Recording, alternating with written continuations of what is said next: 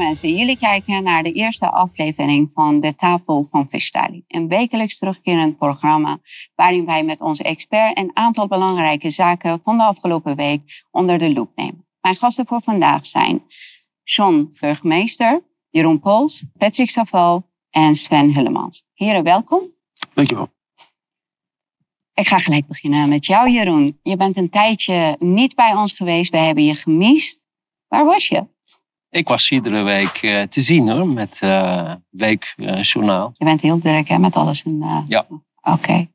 Nou, ik ben heel erg blij dat je vanavond hier bij ons zit. Ik ben ook heel erg benieuwd wat je met ons gaat delen. Maar voordat we beginnen met ons gesprek, wil ik graag dat we samen naar een filmpje gaan kijken. En na dat filmpje gaan we het gesprek voortzetten.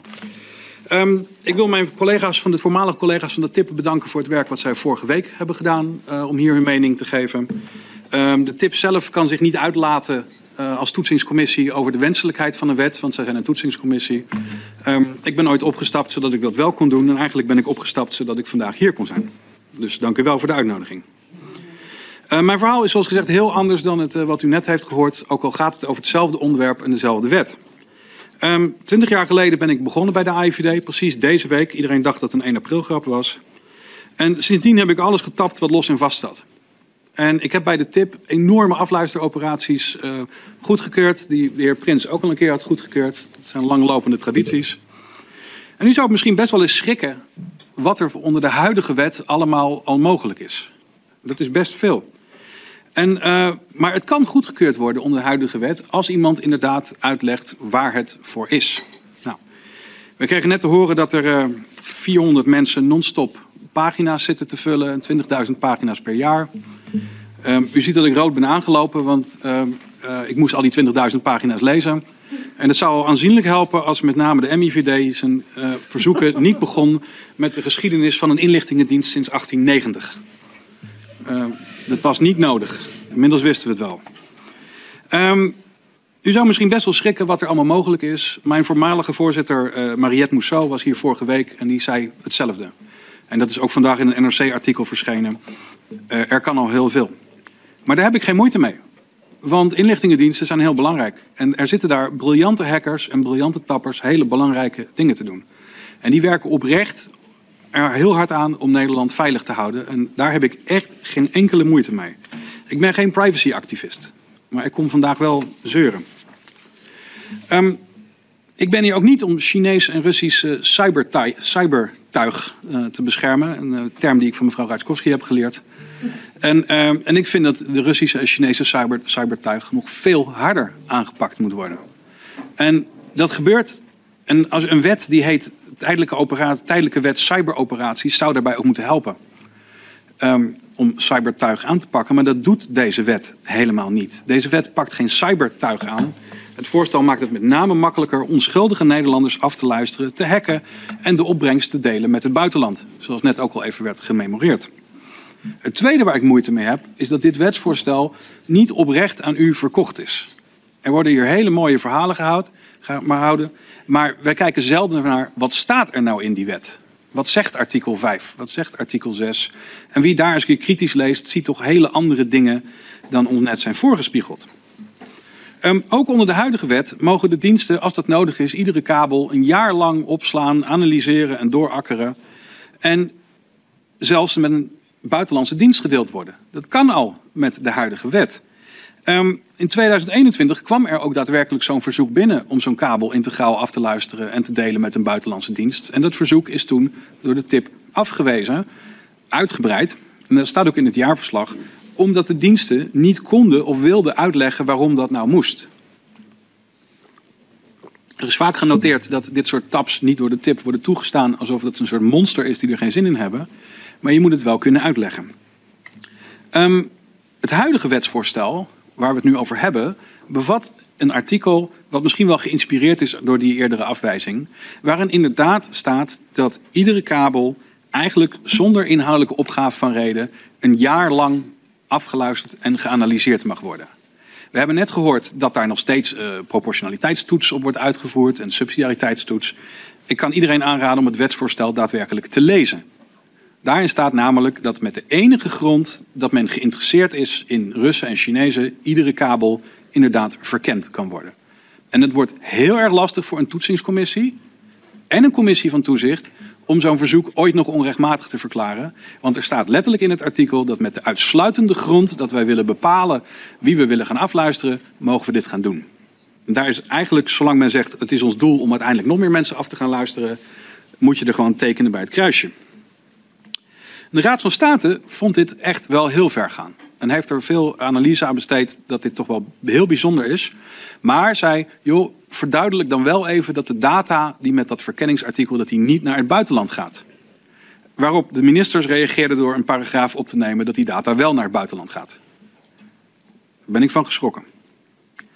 We hebben nu een wetsvoorstel waarbij een verzoek om de telefoonkabels die deze uh, Kamer in en uitkomen, om die geheel af te luisteren, vrijwel niet door de tip onrechtmatig te toetsen is. En nu komt een heel belangrijk punt. Toezichthouders klinken als een soort duizend dingen doekje waarmee je alles kunt compenseren. Toezichthouders toetsen het handelen van de diensten aan de wet. Zij toetsen niet of iets een goed idee is. Dus als de wet zegt u moet toetsen op zo'n smal stukje, dan gaan beide toezichthouders toetsen op zo'n smal stukje. En daarmee is het dus niet gezegd van nou er is toezicht, dus het komt wel goed. Dus we hebben dus nu een wet, een, artikel waarmee een kabel integraal afgeluisterd kan worden. Een jaar lang om te kijken wie erop zit. En dat kan gedeeld worden met buitenlandse diensten. Nou, we zullen veel horen dat de CTIVD, de andere toezichthouder, uh, dat de toezicht verschuift van vooraf naar achteraf. Dat klinkt best wel mooi en dan zou je zeggen, er is nog steeds toezicht. De CTIVD krijgt helemaal geen bindend toezicht op deze afluisterartikelen. Je kunt artikel 12 erop nalezen, het staat er gewoon niet. Dus als iemand zegt het toezicht verschuift van vooraf naar achteraf, het toezicht verschuift deels van vooraf naar achteraf en voor een deel is er, komt er geen bindend toezicht meer. Ik ben heel erg benieuwd, Jeroen. Ja, um, er is een wetsvoorstel ingediend uh, vorig jaar december. En die moet de bevoegdheden van de AIVD en de MIVD uitbreiden. Die bevoegdheden zat al hele ruime bevoegdheden in de wet op de inlichtingen en veiligheidsdienst. Maar dat was kennelijk niet genoeg. Ehm, men wil uh, waarschijnlijk alle data uh, verzamelen. Uh, aan het wetsvoorstel kleven heel veel. Um, ja, daar kan je heel veel kritiek op hebben. Want als je het mij vraagt, gaat het erom om uiteindelijk alsnog die sleepwet die we destijds massaal afgestemd hebben bij een referendum, om alsnog te komen tot de mogelijkheid om werkelijk alles vast te leggen. Uh, de grootste bezwaren is, uh, zijn ten eerste de mogelijkheden om uh, te hacken. worden enorm uitgebreid. Vroeger moest dat eerst voorgelegd worden, moest toestemming gevraagd worden. En dan bleef het ook beperkt tot een bepaalde gespecificeerd doelwit. Nu mogen ze ook alle doelwitten die daarnaast in beeld komen, mogen ze gelijk mee gaan tappen. Um, er is geen toets meer van de technische risico's. Vroeger moest dus eerst uitgelegd van ja, we gaan dat doen, maar het risico is dat je schade veroorzaakt, bijvoorbeeld bij het doelwit op de computer, noem maar op. Dat uh, hoeft niet meer. Um, dan hebben we de verlengde bezwaar- en beoordelingstijd, termijn, voor bulk datasets. Dus alle informatie die ze binnenhalen, die moest vroeger binnen een jaar beoordeeld worden en uit uiterlijk anderhalf jaar later moest alles vernietigd worden. Nou, dat hoeft ook niet meer. Je mag nu uh, een jaar bewaren en u mag iedere keer een jaar verlengen. Eigenlijk is dat uh, oneindige opslag uh, van die data. Maar mag het gewoon zo oneindig doorgaan? Of is het bijvoorbeeld een, uh, na zeven jaar of zeven keer verlenging moet Nee, nee, nee. Je kan het iedere keer een jaar verlengen. Okay. Um, kijk, en die titel is, is ook misleidend. Want ja, wat zijn dan landen met een offensief cyberprogramma? Ze noemen in de in de toelichting China, eh, Rusland. Maar als je de wet zo leest, eh, dan krijg je de indruk dat het vooral ook gaat om de data, eh, Nederlandse data, af te tappen. want er staat bijvoorbeeld in een bijzin, dat vond ik heel erg verdacht, daar staat er dat vanuit Nederland ook veel desinformatie verspreid wordt vanuit Nederlandse computers. Dus dat is dan een reden om, om alles te gaan aftappen. Um, wat deze, deze wetswijziging, of deze tijdelijke wet ook voor mogelijkheid geeft, is om de kabels te gaan aftappen. En dan is er een mogelijkheid om eerst een te gaan verkennen, noemen ze dat. En wat is verkennen?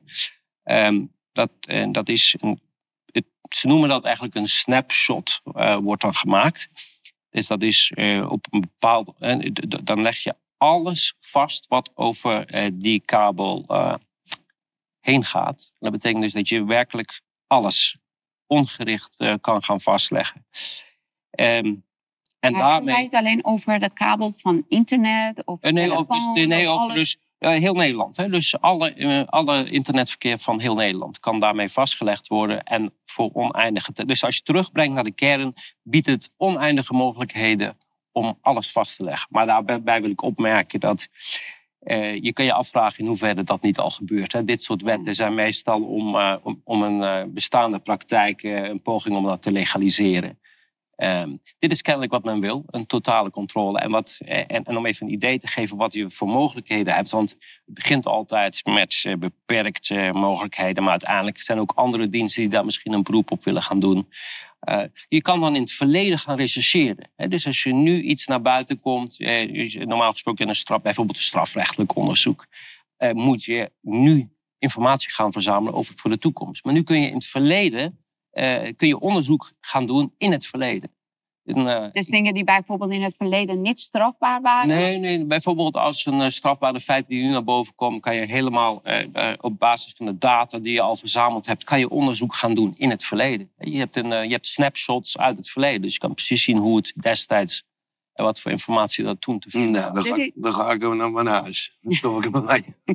maar dit is een sleepwet, hè? En een sleepwet is niet nieuw. Wat is het verschil tussen de sleepwet van nu en bijvoorbeeld die van 2002? 2017. Uh, nee, maar 2002 hadden wij het ook. Ja, nou, het verschil is dat de, de mogelijkheden zijn uitgebreid. De, er is geen toestemming vooraf meer uh, noodzakelijk. Je kan gaandeweg of achteraf uh, kan getoetst worden. En een hele belangrijke, ze mogen alle data delen met buitenlandse partijen. Oh, dat En op het moment dat het natuurlijk naar het buitenland is, dan kan je hier wel achteraf gaan toetsen. Maar als die informatie al uh, beschikbaar is in het buitenland, dan gaan ze dat natuurlijk niet alsnog vernietigen. Je hebt geen controle meer daarop.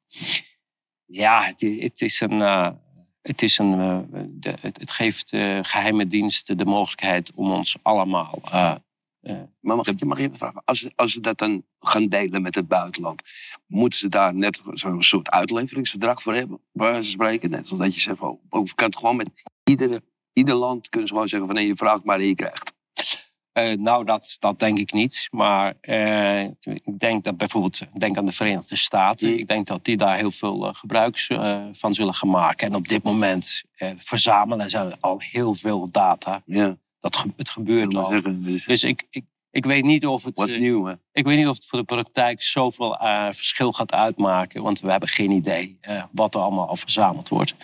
Maar het feit dat men dat op deze manier nu die mogelijkheid wil gaan bieden en dan in een zogenaamde tijdelijke wet. Dit moet alleen maar tijdelijk zijn. BTW was ook tijdelijk. Ja. Uh, kwartje van Coco. Dus uh, dingen die tijdelijk, dus niet, uh, niet zo permanent als uh, tijdelijke wetten. Ja. ja. maar hoe zit het dan bijvoorbeeld een journalist die gaat onderzoek doen om kritische dingen naar boven te halen? Dan durft hij ook zijn of haar werk niet meer te doen. Want dan, dan kan nou, het heel makkelijk als desinformatie gestempeld worden. Ja, dat is een van de risico's die ook in de toelichting genoemd wordt. Uh, tenminste, ook uh, van de, de, het college uh, voor de rechten van de mens heeft daar ook een kritisch, voor de afwisseling een keer een kritisch stuk over geschreven. want het, en ook, ik, ik meen ook in de toelichting van de minister zelf staat het al als risico dat mensen voorzichtig gaan worden met hun uitingen. Want ze weten dat alles vastgelegd wordt. En dat is wat ik bedoel met onderzoek naar het verleden. Als jij nog niet eerder opgevallen bent, kunnen ze je hele verleden gaan kijken wat. Uh, uh, wat Wanneer je wat allemaal, uh, wat, voor verkeer, wat, nou, wat, voor internetverkeer je allemaal um, geproduceerd hebt. Maar goed, ja is natuurlijk al heel veel mogelijk als je op sociale media en zo kijkt van heel veel mensen al een hele hoop. Ja, dit maakt natuurlijk het, het, anoniem op Twitter gaan uh, onmogelijk. Want ze vinden toch wel uit wie erachter dat. Uh... Maar dat is al lang niet meer mogelijk, anoniem online. Nou, kijk, ik, ik, ik ben dan toevallig laatst een van de slachtoffers geweest. Maar veel mensen hebben dan nu nog niet onder hun eigen naam een Twitter-account. Ja, dat wordt dan onmogelijk. Kan je wel doen, maar heeft niet zoveel zin meer. Want ze weten hier toch wat te vinden. Niet meer, want je moet gewoon een uh, uh, een werkende e-mailadres koppelen aan je. Jawel, maar het is, het is, nu nog enigszins lastig om erachter te komen wie er dan. Uh, maar dan kunnen ze gewoon op basis van een patroon, dus heel uh, ongericht, maar heel specifiek gaan zoeken in heel veel data. Dus met ongericht bedoel ik niet per se naar een persoon die ze van tevoren op het oog hadden. Maar wel heel specifiek naar iemand die aan een patroon voldoet. Een complotdenker. En die vinden ze dan. Dat is het grote gevaar van dit. Je kan dus ongericht, specifiek gaan vinden. Zeker met al die nieuwe AI die er is, alle big data. Maar Mag ik iets, mag ik iets moois opmerken aan, aan deze wanstaltige aanval op de privacy, de vrijheid, de menselijkheid, eh, Jeroen? Want jij bent heel mild eigenlijk eh, in je bewoordingen. Heel juridisch ook. Eh, en ehm, het is een totale aanval op de privacy, op de vrijheid, et cetera. Maar het goede nieuws is, als je eh, kijkt naar de wereld van veiligheidsdiensten, is dit is een wet gemaakt door bureaucratische neoliberalen. En dat is een bepaald type mens. Je herkent ze ook als ze op straat lopen. Het is de grijze Skoda-rijdende, eh, eh, eigenlijk zichzelf inferieur voelend type die zich macht toe-eigent. En omdat we in een sublimatietijd leven van deze mensen die zelf doodsbang zijn, die zijn ergens bang voor. Anders maak je dit soort wetten niet. Nou, dat is het hem. Want ik denk dus eh, bij mijn eigen, als ik je zo praten, is dit niet gewoon eigenlijk een onderdeel van al het angst wat over ons uitgerold wordt? Het is gewoon een. Je, ziet die man die zitten. En dan denk ik bij mij van. De wijze waarop je al zit. Het, hele pedant is zo van. Nou, dit is wat we gaan doen. En vanaf nu. Dan wordt, er allerlei moeilijke woorden worden erin gegooid. En dan denk je bij je eigen van. Oké, volgens mij word ik nu hier eventjes. Moet ik, moet ik hier nou lopen shaken? Moet ik hier nou lopen trillen? Wat, wat, is, wat is nou eigenlijk je bedoeling? Wat, wat, is, wat is nou eigenlijk nieuw? Wat is Dat nou je eigenlijk. voorzichtiger gaat leven, denk ik toch? Nee, juist maar dit is, is wel niet. grappig, want Juist wat hij niet, zegt. want de, nieuwe, de nieuwe generatie. We zitten hier met drie oude knarren en ikzelf aan tafel. en, ehm, maar de nieuwe generatie. Die denkt, die denkt al heel anders. Dus die, die hè, een, iemand die nu 12 jaar oud is, die leert programmeren op, eh, eh, op, de, op de middelbare school. En het vrijheidsdenken, dat zit zo diep in het DNA van mensen. En ja, eh, dat zal heel hard onderdrukt worden. En, ehm, en, maar des te, is net zoals een veer. Hoe harder je die indrukt, hoe harder die omhoog springt. Dus ik zie hier inderdaad een, een, de onderdrukking. Hè? Echt de, de suppressie van, van, van het vrijheidsdenken en, en menselijke waardigheid. Eh, eh, totale controle eh, ehm, is, is, is verschrikkelijk. Dan, dan probeer je alle menselijkheid uit te vlakken. En dan moet je nog niet eens zozeer denken aan de VS. Maar wie is de eigenaar van de VS? Nou, dat is de CCP in China. Hè? De, de, de Amerikaanse economie bestaat eigenlijk helemaal niet. Die bestaat alleen bij de gratie van het, van het, van het goedkoop leveren van mens, mankracht en grondstoffen vanuit, vanuit China. Eh, dus de VS, die kun je eigenlijk vergeten. Dat zijn ook van die archaïsche fenomenen. De FBI en de CIA, die spelen al helemaal niet meer mee op het toneel van de internationale veiligheidsdiensten. Dat zijn echt, die jongens lopen nog met een Nokia 3210, bij wijze van spreken. Vergeleken, vergeleken met waar de Chinezen mee komen en de Koreanen. En, en vergeet vooral de Saoedi's en de er Israëli's. hier wat joh? Zit er iets in of zo? Ja. Graag laten vallen. Nee, maar eh, Dus het mooie is, het mooie is, dit moedigt eigenlijk alleen maar de creativiteit aan van de nieuwe generatie. Om te zeggen, joh, daar hebben wij helemaal geen last van. Mag ik iets toevoegen? er zijn hele conferenties, ja sorry, mag ik nog één ding zeggen? Er zijn hele conferenties over cyber freedom. En die zijn extreem goed bezocht. En de kaartjes zijn vanaf 40.000 dollar. En het is, super, het is super druk daar. Want er lopen daar allemaal jonge lui rond. In een t-shirtje op een paar sneakers. Die zou ze geen dubbeltje geven. Maar tegelijkertijd, die, die jongens die kunnen alles op het internet. En die kunnen alles in hardware en in software. Het is ook supergoed dat we in, in de Zeewolde, die 70 hectare, dat we daar eh, 's werelds grootste onderdrukkende eh eh, ding neerzetten. Want hoe dichterbij je daar zit. Ik ken de buurman, dat is een melkveehouder. Die, zit nu, die doet nu een cursus programmeren. Want die is als snelste kan die daar inbreken. Die gaat beurshandeling doen daar. Die gaat, ja, die gaat handelen op de beurs. Leuk te zien. Niks, niks melk, Als die onderdrukking genoeg doorgaat, dan kent de nieuwe generatie niks anders dan in kader denken van wat, wat de overheid bepaalt. Kijk naar China. Daar volgen ze ook allemaal de richtlijnen van de overheid, terwijl dat wij al jaren roepen. Nou, als ik Sven goed begrijp, kan het hem niet veel genoeg worden. Want dan wordt die veer strakker ingedrukt. En hoe meer we nu over ons uitgestort krijgen, hoe groter de reactie straks zal Ja, ik vind, Dat, het, ik vind het, dat is hetzelfde als dat Maxima nu teruggefloten is dat ze niet te veel mag zeggen over de central bank digital currencies. Het staat niet dat ze het niet gaan doen, maar ze mag er niet over praten, want het veroorzaakt onrust. Ja, maar Dus dat, dat maakt deze- het nog erger. Ja, dat is nog veel erger. Maar dat deze wet er komt en dat wij er nu nog over kunnen praten, dat is alleen maar een aanmoediging aan de jonge generatie om te zeggen: eh, goed opletten tijdens, eh, tijdens de cursus programmeren op school. Ja, het is vooral ook de timing van de wet. Hè. Waarom komt die er nu? Omdat ze jou gevangen willen zetten. gewoon angst, joh. Dat eh, zit denk ik in. Ja, maar wij- ze moeten jou helemaal niet gevangen zetten. Als jij kinderen hebt, die zijn veel gevaarlijker. Want daar zit, daar zit vrijheidsdenken in, in Nou. genetica. Vlak vrouwen ook niet uit hoor. Dat is ook gevaarlijk. Maar wat ik. Wat, wat, wat, vlak vrouwen ook niet uit. Kinderen zijn niet alleen gevaarlijk.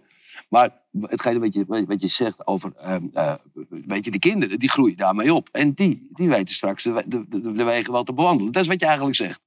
Toch? Ja. Of, of. Ja, en wat dacht je van, van een. Van Nee, een dat, dat, is- dat is toch wat je zegt? Natuurlijk, dat is wat ik zeg. Oké, maar als ik, als ik, ik, ik geloof het niet. Ik heb verleden week heb ik voor het eerst, eh, eh, sinds heel veel jaren heb ik weer in de trein gezeten. En ik zat in de trein en ik was eh, om, om één uur, ik moest naar Sloterdijk in Amsterdam. Eh, geen probleem, ik zat eentje, maar ik ga om vier uur terug. En die trein die zit helemaal vol. En voornamelijk jongeren en mensen die kwamen terug van hun werk. Nou, als je het nou hebt over, als, je, als, en als die mensen dan inderdaad zo, zo, zo, zo gepusht zijn om, om, om nieuws te vergaren, dan zijn ze wel heel goed bezig. Want het is één dood zootje zombies wat daar in die trein zit. Dat zit daar. En dan denk ik bij mij, eigenlijk, iedereen zit op die telefoon. En als iedereen dan weet, als iedereen weet, hè, van, van ja, maar alles wordt gecheckt. Alles wordt gecheckt. Er wordt toch helemaal geen gesprek meer met elkaar gevoerd? Nee. Er wordt helemaal geen gesprek meer met elkaar, met elkaar gevoerd.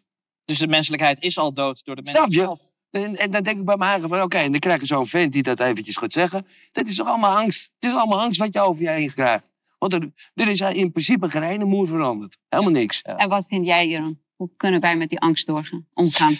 Eh, hoe je met die angst om. Nou, kijk, het eerste wat je vaststelt is: men, eh, dit, dit soort bevoegdheden die trekken ze zich naar zich toe eh, en door angst. Hè? Want je hoort ook de, de World Economic Forum, hè, de big cyber attacks en zo. Ik denk dat je dat in deze, dat verband moet zien. Maar het uiteindelijke doel is eh, profileren. Hè? Dus dat je, je kan uit het internet kan je zoveel, eh, met, met al- de combinatie van eh, data, kan je zoveel mensen eruit vissen die mogelijk aan een profiel doen van wat verdacht is. Zoals, ik zal er ook ongetwijfeld naar boven Ja, hebben ze nog nooit gevonden hoor.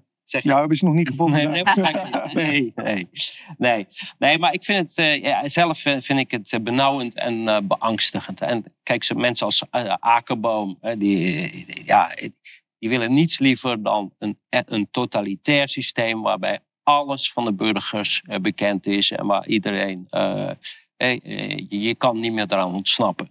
Eh, Ik vind het eh, beangstigend, want de enige oplossing die je dan nog kan hebben is eh, van internet afgaan en je, je smartphone wegdoen. Eh, Maar dat is onmogelijk. Nou ja, jij zegt het doel is profileren. Ik denk dat het doel programmeren is. Want wat kunnen ze met al die data? Kunnen ze natuurlijk profileren. Ze kunnen een gemiddeld profiel van ons maken. Ze kunnen een profiel op leeftijd. Ze kunnen een profiel op persoon maken. hè, Die, die, die AI die bestaat. Dat doen ze met al die sleepwetdata. Dat doen ze met al die tracking online. Dan kunnen ze profielen maken. Maar waarom zouden ze die profielen willen maken? Ze kunnen inmiddels ook beïnvloeden aan wat voor informatie waar wordt blootgesteld. Hè, door de algoritmes op de platforms door bottencensuur, door trollenlegers. Door, hè, maakt, ze kunnen beïnvloeden waaraan wij worden blootgesteld. Nou, wat, wat is dan de mogelijkheid? Je kan een kleine saai ophouden, je kan een kleine manipulatie doen op die mensen. En je kan meten hoe het profiel verandert. Dus er is een feedback loop. Je kan mensen programmeren. Nou, wat zijn ze aan het doen? Ik zat een hele interessante eh, podcast te kijken gisteren van een, eh, AI van een MIT AI-specialist, eh, Lex Techmark. En die zei ook, AI is het nieuwe wapen van Moloch. Nou, dat klinkt heel groot, hè? maar die man is natuurlijk best een serieuze professor en goed expert. Het is het nieuwe wapen van Moloch. En de eerste oorlog die we hebben gevoerd te- tegen dat wapen was op social media tegen de algoritmen. En die hebben we verloren. Want er is nu meer haat dan ooit. Er is nu meer ver- ver- ver- eh, verdeeldheid dan ooit. Dat zei hij letterlijk. Dus een hele serieuze professor, een van de top in de AI-wereld. AI is het wapen van Moloch. En wat doen ze daarmee? Ons programmeren, ons verdelen. Nou, dat is de jeugd die hij daar allemaal ziet zitten. Ja. Ja, maar dat is echt zo. Die zijn allemaal, die zijn, Nou zit, nou zit ook de verkeerde jeugd zit in de trein, want eh, de goede jeugd staat op het voetbalveld. Die zit in de Bentley. Nee, nee, dat, dat niet. De goede nee, jeugd is buiten aan het spelen. Buiten aan het spelen. Ja. En, eh, ehm, Ja, goede jeugd, ja, wakkere wat, jeugd. wat- ja, ja, maar goed, dat, dat, zijn, dat, dat vind ik ook lastige termen. Ik vind het wel, ehm, wat je ziet, is eh, deze wet sluit aan bij wat jij noemt over programmeren. Ehm, ik weet niet of jullie eh, de eerste aflevering gezien hebben, maar er is nu op de, eh, ehm, eh, de Nederlandse eh, programmeringsomroep, de NPO, is de, ehm, eh, de serie Arcadia. Ah, toch op, man. Heb je dat gezien? Ah, man. Dit is, dan, word, je toch, word je toch mis. Ik word er Nee, ja, van. ja, ik, ik- word er ja, gewoon een paar maar dat is de bedoeling. serie, want ik heb geen tv. Is Dat, dat, gaat over, dat gaat over de Tri-State Benelux eh, NRW. Die je kunt nakijken op tristatecity.nl. Ja. En dan nemen we een kijkje in de toekomst als die er is. Dus en dan heet het Arcadia. En ik ben een klassicus. En eh, Arcadia, daar hoort een belangrijke spreuk bij. Die, die spreuk heet Et in Arcadia ego. Dat betekent ook in Arcadia ben ik. En dan moet je aanvullen de dood. Dat is in de, in de kunstliteratuur eh, ehm, is dat een bekende spreuk, Arcadia. En Arcadia gaat eigenlijk over de streek in Griekenland waar mensen heel eh, sober leven. Het leven van een geitenhoeder. Dat is Arcadia. Er groeit weinig. De geiten moeten distels en dorens eten. Je hebt amper te eten als geitenhoeder. Klein beetje melk, klein beetje vlees. Het is heel erg sober, dat leven. En dat, dat ze deze serie Arcadia noemen. Want Arcadia wordt gezien als het snijvlak tussen een utopie, namelijk leven in een rustig analoog leven waar je hard moet werken voor je bestaan. En dus geen tijd Zinvol hebt. leven. Een echt een zinvol leven. Maar Je leeft- Is dat, weer, is dat niet weer. Sorry, is dat niet weer wat ik net zeg van weer angst? Eh, maar dat Ja. is sowieso op tv. Je k- Kijk, Voorprogrammering. ja, Ja. kijk naar deurwaarders, eh, UK, eh, je hoeft Maar het maar op te noemen. De meeste mensen worden hier bang van. En, da- en, en, en met die angst, die dus geprogrammeerd wordt, creëren zij onderbewust dat we naar die werkelijkheid toe gaan. Daarentegen kan ik je het volgende zeggen. Er zijn ook mensen, zoals ik zelf, die hier naar kijken. Die voelen heel kort die angst en die denken dan, gaaf. Nou wordt het gaaf. Nou worden ze wakker. Nou Nou, wordt nou, gaan ze, nou, ze- Nou wordt het leven interessant. Ja. Want ineens hebben we iets te verliezen. Ik heb, Ja. het, ik heb het daar wel eens over gehad. Vrijheid, waar het hier over gaat, het verlies van vrijheid. Vrijheid is als het riool. Niemand staat erbij stil dat hij het heeft, totdat je het kwijt bent. Of het erboven komt. Ik gebruik liever het voorbeeld van gezondheid. Vrij, oh, gezondheid is als het riool, of vrijheid is als het gezondheid. Precies, ja. ja. Nee, je, je mist het pas. Ja, jij, Vrijheid is al- ik, ik fiets wel eens eh, eh, tussen eh, de gehandicapte mensen door. En dan kan je maar één ding ten beurt vallen. Dat is dankbaarheid.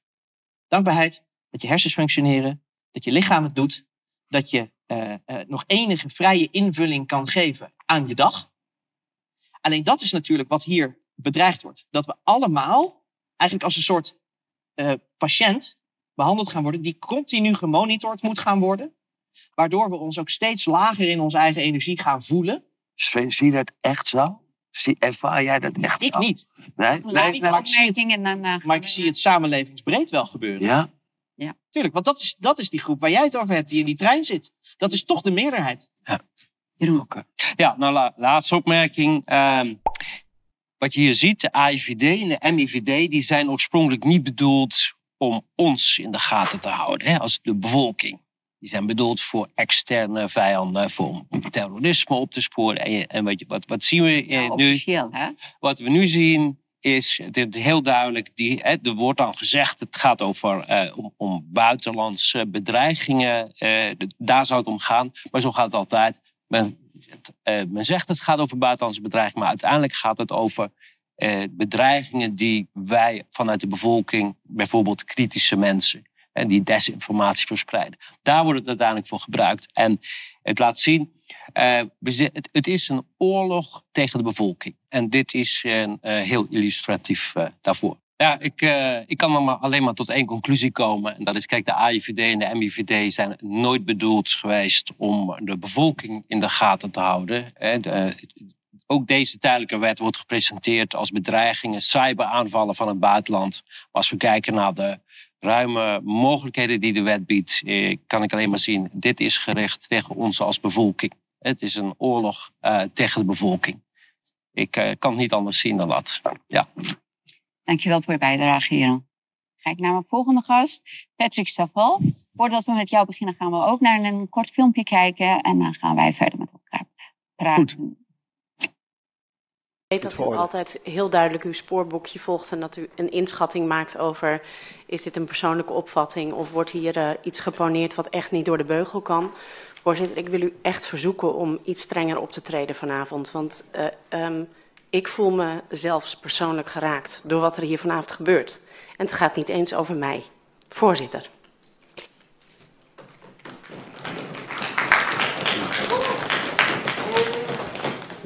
Voorzitter, de D60-fractie zal de zaal verlaten en ik roep alle raadsleden die dit ook weerzinwekkend vinden op dat ook te doen.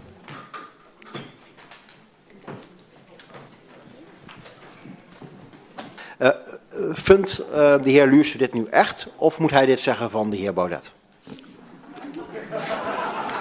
Voorzitter. De heer Luurs. Ik heb uh, de heer Baudet inderdaad gezien op zondag. Dit hebben we niet besproken. Ik heb wel zijn fantastische nieuwe boek uh, mogen kopen. En uh, hij ligt op mijn bureau. U mag hem even inzien als u wil. De heer Alving tot slot. nee, dank u. en erg jammer. Erg jammer, voorzitter. Dank u wel. Dank u wel, voorzitter. Dat is uh, wat je ziet gebeuren in de samenleving, hè, waar we het net over hadden. Die mensen worden geprogrammeerd. Je hebt recent ook een hele vervelende situatie meegemaakt in je privésfeer. Ik weet niet of je daar... Ja, dus zoveelste. Nee, ik, was, uh, ik had een baantje als uh, businessarchitect. En dat werd, die gunning werd weer ingetrokken omdat ik me actief bezig hield met complottheorieën. Dat werd letterlijk benoemd, toch? Niet tegen mij, ik kreeg geen contact meer met ze. Maar tegen de tussenpersoon. Er zit altijd een tussenpersoon tussen. Ja, die was ook heel verbaasd. Waarom moeten ze ermee? Maar ja, dit is, die mensen worden, die mensen worden vals gemaakt, hè, als het ware. Dat is waar we het net over hadden met de programmering. En woke is daarbij ook een uiting van. Uh, als je het mij vraagt, is woke een, uh, een machinatie. Zo zou ik dat willen noemen als complotdenker. Hè. Ik heb me nu toch uh, heb je me ontmaskerd. Een machinatie is een complot waarbij je een, een grote groep mensen of een omgeving als het ware klaarzet manipuleert zodanig dat als jij een kleine uh, manipulatie doet, dat je weet wat het gevolg zou zijn. Nou, hoe is woke dan een manipulatie? Bijvoorbeeld van een geheime dienst. Uh, CIA denk ik in dit geval aan. Um, ik denk dat mensen in zichzelf een, een latente behoefte hebben, een hele sterke behoefte aan zingeving. En dat is iets religieus. Dat zit heel fundamenteel in de mens. Wij zijn natuurlijk de afgelopen drie jaar zijn wij uh, allemaal geïndividualiseerd. Wij zijn eh, op afstand gehouden, letterlijk. Hè? We zijn, eh, de, de, sociale cohesie is verbroken. Nou, waar krijgt een mens vooral zingeving door? Dat is doordat je invloed kan uitoefenen op je directe omgeving. Daar krijg je zingeving door. Maar dat is allemaal weggenomen. Dus er is een hele grote groep mensen ontstaan met een, met een oningevulde zingeving. Nou, normaal gesproken, als dat, als dat is ingevuld door bijvoorbeeld religie, of dat je je eigen spiritualiteit hebt gevonden, ben je daar niet vatbaar voor. Maar als je dat allemaal niet hebt, dan staat dat zeg maar wijd open. Dan ben je ontvankelijk voor iets nieuws. Nou, dat is precies wat dat woke is. Dat waren wat grassroots uh, uh, initiatieven. Laten we zeggen uh, Black Lives Matters, Antifa, Extinction Rebellion. Dat was ongetwijfeld met de beste bedoelingen begonnen. Grassroots, dus van onderaf, door mensen die het beste bedoelden. Dat is bij elkaar geveegd. Daar zijn eh, financiers achter gezet, zijn geldstromen, dat is gemanipuleerd. En dat is zodanig in elkaar gezet als een, als een alternatieve ideologie, een pseudo-religie, voor die mensen die heel gevoelig zijn. Voor al die mensen die eh, die, die, die, die zingeving verloren zijn. Nou, dus wat merk je? Die mensen die, eh, die, die, die, die, willen, de, die willen boete doen voor het verleden. Typisch ook zoiets, het religieus boete doen. We gaan een slavernijverleden gaan we weer goed maken. Die willen de wereld redden. Die gaan windmolens bouwen. Die gaan, zonder zich af te vragen of dat heel zinnig is. Die hebben zo'n diepe drang naar, naar die pseudo-ideologie. Nou, dat is natuurlijk heel slim als je dat kan maken. Ik denk dat woke dat is. Nou, dat, dat zie je dat in die, in die raadzaal hier. Arnhem of zo, of, of uh, Almere was dat, ik weet het niet. Die mensen hebben geen flauw idee waar het echt over gaat. Dat, dat doet er niet meer toe. Die triggeren gewoon op, op religieuze... Dat is, dat, is een leger, eh, dat is een leger ideologisch gestuurde drones is dat geworden. Dat is woke. Het lijkt of ze geprogrammeerd zijn om Exact. te reageren op bepaalde aantal woorden. Dus als ze die woorden horen, horen ze de rest van de zin niet. En dan gaan ze alleen maar reageren. Nou, dat noemen wij Manchurian Candidate. Dat is van een film. Hè. Je kan mensen programmeren en dan triggeren op een actie. Maar daar komen we weer terug bij het woord programmeren en de sleepwet. Dit zijn precies die gekke dingen. Als jij voldoende controle hebt over in de informatievoorziening van mensen. Je hebt voldoende inzicht in de profielen van die mensen. Dan zijn dat precies de dingen die je voor elkaar kan krijgen met wat we dan eh, in de complotwereld noemen psyops. Maar het zijn eigenlijk gewoon eh, gekke trucjes. Eén daarvan is eh, Alice in Wonderland, ik zeg maar wat. Dat is, een, dat is uit de, de Kubark Interrogation Manual van de CIA. Want Dat is een, een een tactiek. eh, waarbij je mensen continu blijft bestoken met onzinnige eh, informatie. Die geen, die makes no sense. Als je dat maar blijft doen, dan gaan mensen op een gegeven moment de beslissingen bij anderen leggen. En hoe zien we dat in het echt? Eh, hartaanvallen komen door het fluitje van de scheidsrechter. Hartaanvallen komen door klimaat. Hartaanvallen komt door linksdraaiende yoghurt. Hartaanvallen op een gegeven moment denk je... is bewust, dat is een saai op. En die kan je in het groot op die mensen loslaten. Je kan meten hoe ze erop reageren. En dan krijg je dit soort... Dat, dat is gewoon heel bewust. Dus zo zijn we bij die sleepwet en de programmering. En woke, dat is een nieuwe ideologie om die mensen weer bij elkaar te rapen. Maar Nou. verdwijnt het ook? Denk jij dat het, dat het ook... ook Natuurlijk het dat nu? Ja, dat ligt eraan. De, de- de oplossing tegen woke is niet om op die mensen in te praten. Het heeft helemaal geen zin. Het, vaak genoeg het heeft helemaal geen zin. Want die triggeren niet daar. maar Dat zit op een dieper niveau in hun, in hun hersenen, in hun belevingswereld.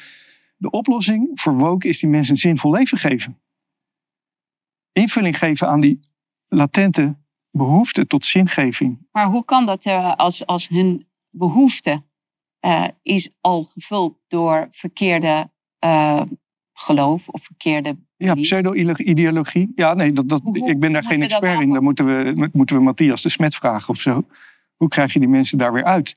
Eh, wat wel opvalt is natuurlijk... ehm, welke mensen zijn er vooral vatbaar? Dat zijn in het Westen de wat jongere mensen... waar klassieke, eh, normale eh, religie geen rol meer speelt. Als je kijkt in eh, Oost-Europa, waar nog gewoon orthodoxe en, en, en eh, waar de kerk nog een rol speelt, die mensen hebben de, die zingeving al ingevuld gekregen. Dus je ziet ook precies welke groep mensen erop triggert. Nou, Ja, de, maakbaarheids, de kinderen van de maakbaarheidsidealisten uit de jaren 60, 70. kijk, een prachtig verhaal. Ehm, de, dus de, vroeger was de socialis, het socialisme was een gedragen ideologie. Ehm, eh, die echt, echt hard opkwam voor de rechten van mensen, kinderen, vrouwen, arbeiders, onderdrukten. En in de, in, vanaf de jaren 70, 80 zag je het belang van, van, van eh, socialistische partijen. Die, dat zag je wegvagen. Want eigenlijk was het gelukt. Die rechten die zijn gewaarborgd. Neem de grondwetswijziging uit 1983. Daar werden ineens, jij weet het beter dan ik, 16 of 18 sociale grondrechten werden vastgelegd. Prachtig. Nou, dat, dat is, als je dat leest, dan denk je, wauw, wat een fantastische samenleving. Dus die maakbare samenleving, die was gerealiseerd. En dan val je in een vacuüm. Dan heb je inderdaad ineens geen idealen meer om na te streven, want het is gelukt. Dat is hetzelfde. Dat, vatbaarheid. dat er, dus die LGBTQI-beweging, Er wordt nog Ja. twee S voor. die komt, Two Spirit. die, komt, die, komt, Heel belangrijk. die komt op voor rechten die al lang gewaarborgd zijn in de wet. Ja, Dus dit is echt, dit, dit, is, dit is niet een kwestie van mosterd naar de maaltijd. Dit is, dit is toetjes bij het ontbijt, zeg maar. Dat, dat is, Ja, maar dat- Sven- er zit een hele hè? tussen. Sven, jij denkt er nu rationeel over. Dus je hebt gelijk, hè? Maar dat is, dus, dat is niet meer hoe deze mensen triggeren. Nee. Want die kunnen dit rationeel ook zien. Maar wat hier dus fundamenteel aan ten grondslag ligt, is de verheerlijking van de zwakte. Nu. Nu is het zo dat iedereen is, loopt rond van, oké, hoe krijg ik, hoe krijg ik de aandacht? En hoe krijg je veel aandacht? Door jezelf als slachtoffer te gaan opstellen en tegelijkertijd je eigen rechten en die van medeslachtoffers, dus compleet slachtofferschap, continu het, het dader-slachtoffer verhaal. Dat is een dader, ik ben een slachtoffer. En slecht nieuws, de slachtoffers, of degenen die graag slachtoffer willen zijn, die zijn in de meerderheid. Dus die kunnen de democratie kapen voor hun slachtofferbelangen. Met als gevolg dat je een samenleving krijgt die verzwakt, verzwakt, verzwakt. Dat zie je dat tien ambtenaren die nog nooit op een boerenerf zijn geweest, die hebben nu wat te zeggen over die ene boer. Er zit iemand bij de provincie, er zit iemand bij de gemeente, er zit iemand bij Rijkswaterstaat, er zit iemand bij het waterschap, er zit iemand bij de, bij de milieudelicten, er zit iemand bij het dierenwelzijn. Een boer is 80% heeft die mensen over zijn erf lopen die daar niets te zoeken hebben. En dat zijn allemaal zwakkelingen, die allemaal slachtoffer zijn zogenaamd van die boer en dus zichzelf Maar hoe zie jij die, hoe hebben zie jij dit- toegeëigend om hem te zeggen hoe die moet leven. maar wa- wat heeft dit volgens jou met woke te maken? Hoe zie jij die woke-beweging daarin? Nou, ik zie die woke-beweging groeien en groeien en groeien naarmate de samenleving zwakker en zwakker en zwakker wordt. En dan kun je zeggen van, dat is een hele slechte beweging. Ik noem dit... Als ik je nog even mag onderbreken, bedoel je met, met. Nou, nee, ik ben nieuwsgierig. Moet je doen met zwakker en zwakker naarmate we steeds meer de sociale cohesie verliezen? Ja, natuurlijk. Dus, maar Eendracht dus- maakt macht. Eh, Dus als je de eendracht breekt van de mensen. eh, eh, kijk, in, in, in zo'n in zo'n demonstratie van mensen voor sociale huurwoningen of, of, of Black Lives Matter. Daar loopt iedereen met een mondkapje op. Dus ze zijn onherkenbaar. Dus daar, daar zit, maar de- er zit geen echte cohesie in het gedachtegoed. Los van het feit dat veel van die mensen betaald zijn. Of, of, of allerlei andere complotten die je daarop los kan Maar daar zie je dus waar we het over hebben. Die, die manipulaties, dat zijn dit soort manipulaties. Ze doen een mondkapje op, ze meten wat het resultaat is. En eh, om daar een alternatief op te bieden, schuiven ze dat woke erin. Dat is zoals ik het, Het zie. is, ik, ik vind dat sowieso een naam niet klopt. Het is geen woke cultuur. Het Nee. is een coma cultuur. Ja. Weet je, Ja. Ze brengen gewoon mensen in coma. Je mag niet denken, je mag niet... eh, En wat vind jij, Jeroen? Nou, ik, ik denk er zitten meerdere lagen in. Kijk, de eerste, die, eh, die zingeving, die, dat, ik denk dat dat een hele belangrijke, maar dat is dan een, een soort fastfood eh, zingeving. En normaal krijg je zingeving, vroeger als mens kreeg je zingeving omdat je een bepaald ambacht had geleerd. En Ja. Dat is ook zingeving in je leven. Nou, dat moet nu eh, instant eh, moet het geleverd worden met, eh, dat, dat, veel mensen hebben dat al geleerd met een vinkje, dat je daar ook al eh, allemaal eh, fantastische dingen mee kan doen. Maar het ene. Maar het tweede is, en dat werd ook al een beetje, dat is mensen uit elkaar drijven. Hè? Want die woke, die draait die emancipatie van hè, de homoseksuelen eigenlijk terug. En vrouwen. Want homoseksualiteit gaat over geslacht. Inderdaad. En nu zeggen we ineens, oh, die geslachten die bestaan niet. Dus je begin, je, hè, het eindpunt van de emancipatie is vernietigt eigenlijk weer alles wat we bereikt hebben. En zelfs de vrouwenemancipatie, noem maar op, want hè, dat, dat gaat ook over geslacht. Dus eh, ik, ik denk dat, daar, eh, dat dat ook heel erg meespeelt. Je, je drijft de samenleving drijf je uit elkaar. Want eh, je hebt nu een hele groep mensen, ook homoseksuelen, die zeggen: Ik wil helemaal niks met die woke te maken hebben. Want Ook heel is- veel vrouwen Ja. willen niks met die vrouwen. Ja, ja maar dat, wat, wat je nu zegt, dat, dat, dat merk ik. Ja, een paar vrienden als homo's, en die zijn homo en die, die zeggen, oh, ik word, er, word ik er te gek van. Maar als ik om me heen praat met, met tante Jannie van Drie Achter, die zegt ook, die snapt, die snapt er werkelijk waar helemaal de ballen van. Die niemand totaal, totaal geen idee. Niemand wil dit en toch kan het. Knap, hè? Ja, maar snap je wat ik bedoel? Dus het, het, hele kleine ploegje, dat houdt als het ware alles zo'n beetje gegijzeld. Omdat het allemaal zo lekker, lekker intellectueel Maar weet je, maar weet je dus hoe dat kan? lekker intellectueel. Maar eigenlijk hebben we totaal geen idee. Wat, wat, wat bedoelen jullie nou eigenlijk? En Maar- sommige dingen in dat hele woke, dan denk ik van ja, maar misschien zit er wat in. Hè? Zit er iets in? Maar er, maar er zit nog één eh, wat, eh, wat daar ook nog bij komt. En dat is afleiding. Want het gaat nu allemaal over, Ja, een, een- over een, eh, iets wat, wat, wat, wat heel marginaal is. Wat, wat, wat echt, waar weinig mensen iets mee hebben. En in de tussentijd En- komt de pandemiewet. En- Wordt er, worden de smart en systems gebouwd. mensen, cy- En hè, alles. cyberoperaties. En dat staat op pagina 6 Precies. van, van, Ja. van alles. En, Ja. en, en, en de hele... Ja. Laten we vooral daarmee bezig zijn. daar Maar dit is, dit is altijd geweest. Hè? Wat er nieuw is, is dat mechanisme wat we net beschrijven. Dat heeft trouwens een naam. Dat heeft Fifth Generation Warfare. En daarin wordt inderdaad de burger als de eh, vijand gezien. We hadden klassieke, klassieke battlefields, spaces. Dat waren ter land, ter zee en in de lucht. Dan kwamen op een gegeven moment ruimte en cyber bij. En daar hebben we dus nu ook cognitie bij gekregen. En dus waarom dit mogelijk is, komt omdat ze dat nu onder controle hebben. Dus aan de ene kant met Wat al is die onder controle? cognitie. Onze manier van, hè, dus precies waar we het nu over hebben, maar ook dus die diepere gevoelens. Wie ze? Wie, wie, wie- Ja, dat is een goede vraag. Degene die de algoritmes beheersen, degene... Ja, als, als er iemand zegt van ja, ja maar ze, ze doen... Ja, wie ze? Nou, laten we om te beginnen. eh, je kan heel duidelijk entiteiten aanwijzen die dit besturen. Dat bleek ook uit de WOP-verzoeken. We hebben daar toen webinars over gegeven. We hebben dat uitgezocht. Eh, de pandemierespons was bijvoorbeeld grotendeels een, een eh, actie van de geheime diensten. De NCTV, de FBI, de MI5 in plaats van SIX, gek genoeg. Eh, dus de geheime diensten die hebben hier de aansturing over. Wie daar dan achter zitten, Council Foreign Relationships, of, of, of hè, dat is misschien een ander verhaal. Maar die geheime diensten die al die data kunnen beschikken, die beschikken ook over gigantische data crunching capacity. Eh, de maat van Elon Musk heeft een van de grootste bedrijven erin, hè, Palantir ge- genoemd. Ja, data crunchen is het uitpluizen, het, het uitpluizen van die data. net over. Ja, laten we even zeggen de AI die de patronen zoekt. Die, eh, die, Het wordt gefinancierd in ieder geval grotendeels door Georgi Schwartz. Ook dat- wel bekend als George Soros. ah, Zijn echte, Ja, naam, Soros. zijn echte naam is Georgi Schwartz. En Ja. George Soros, als je zijn naam noemt, dan zegt iedereen Schwartz, ja. dat is een complot. Maar het is heel simpel. Ik kijk gewoon naar zijn boekhouding. En dan zie ik waar zijn geld naartoe gaat. En dan zie ik naar welke... Maar is zijn boekhouding zo open dan? Ja hoor. Dan is het niet eerlijk, in ieder geval. Ja, Nou, Toch? ja. Nou, Nou, hij is eerlijk, hij verbergt het niet. ja, nou ja, het- deel van zijn boekhouding wat open is natuurlijk. Want er zal vast ook nog een schaduwboekhouding zijn die nog meer andere... Maar die- dat gedeelte waarin hij tussen die financiering eh, dus, doet, dus doet, dat, dat blijkt dus dat hij inderdaad, eh, als, als, we, als het waar is wat je zegt, dan zit hij daar. nou ja, nu open en bloot zo van ik financier dat. Ja, Want ik ben sta- ik daarvoor. sta daarvoor. Dat- Ik ben dat, dat, dat, dat, ja, dat, dat noemt hij. Kijk, en, en zo moet je het ook wel zien. Eh, dit kan ook gewoon een meningsverschil zijn over wat humanisme is. Ja. In, misschien is het daadwerkelijk zo dat de mensen die zichzelf, die dus weglopen daar in, eh, in, die, in die raadzaal, dat die geloven dat zij de vertegenwoordigers van het humanisme zijn. En dat zie je ook, want er wordt eigenlijk altijd alles wat tegenover woke staat, wordt als extreem rechts, nazistisch, fascistisch, racistisch, antisemitisch, wordt het meteen, daar wordt het weggedrukt. Ik zag laatst een heel interessant t-shirt, daar staat right versus left is right versus wrong. Mm. Dat is een mening.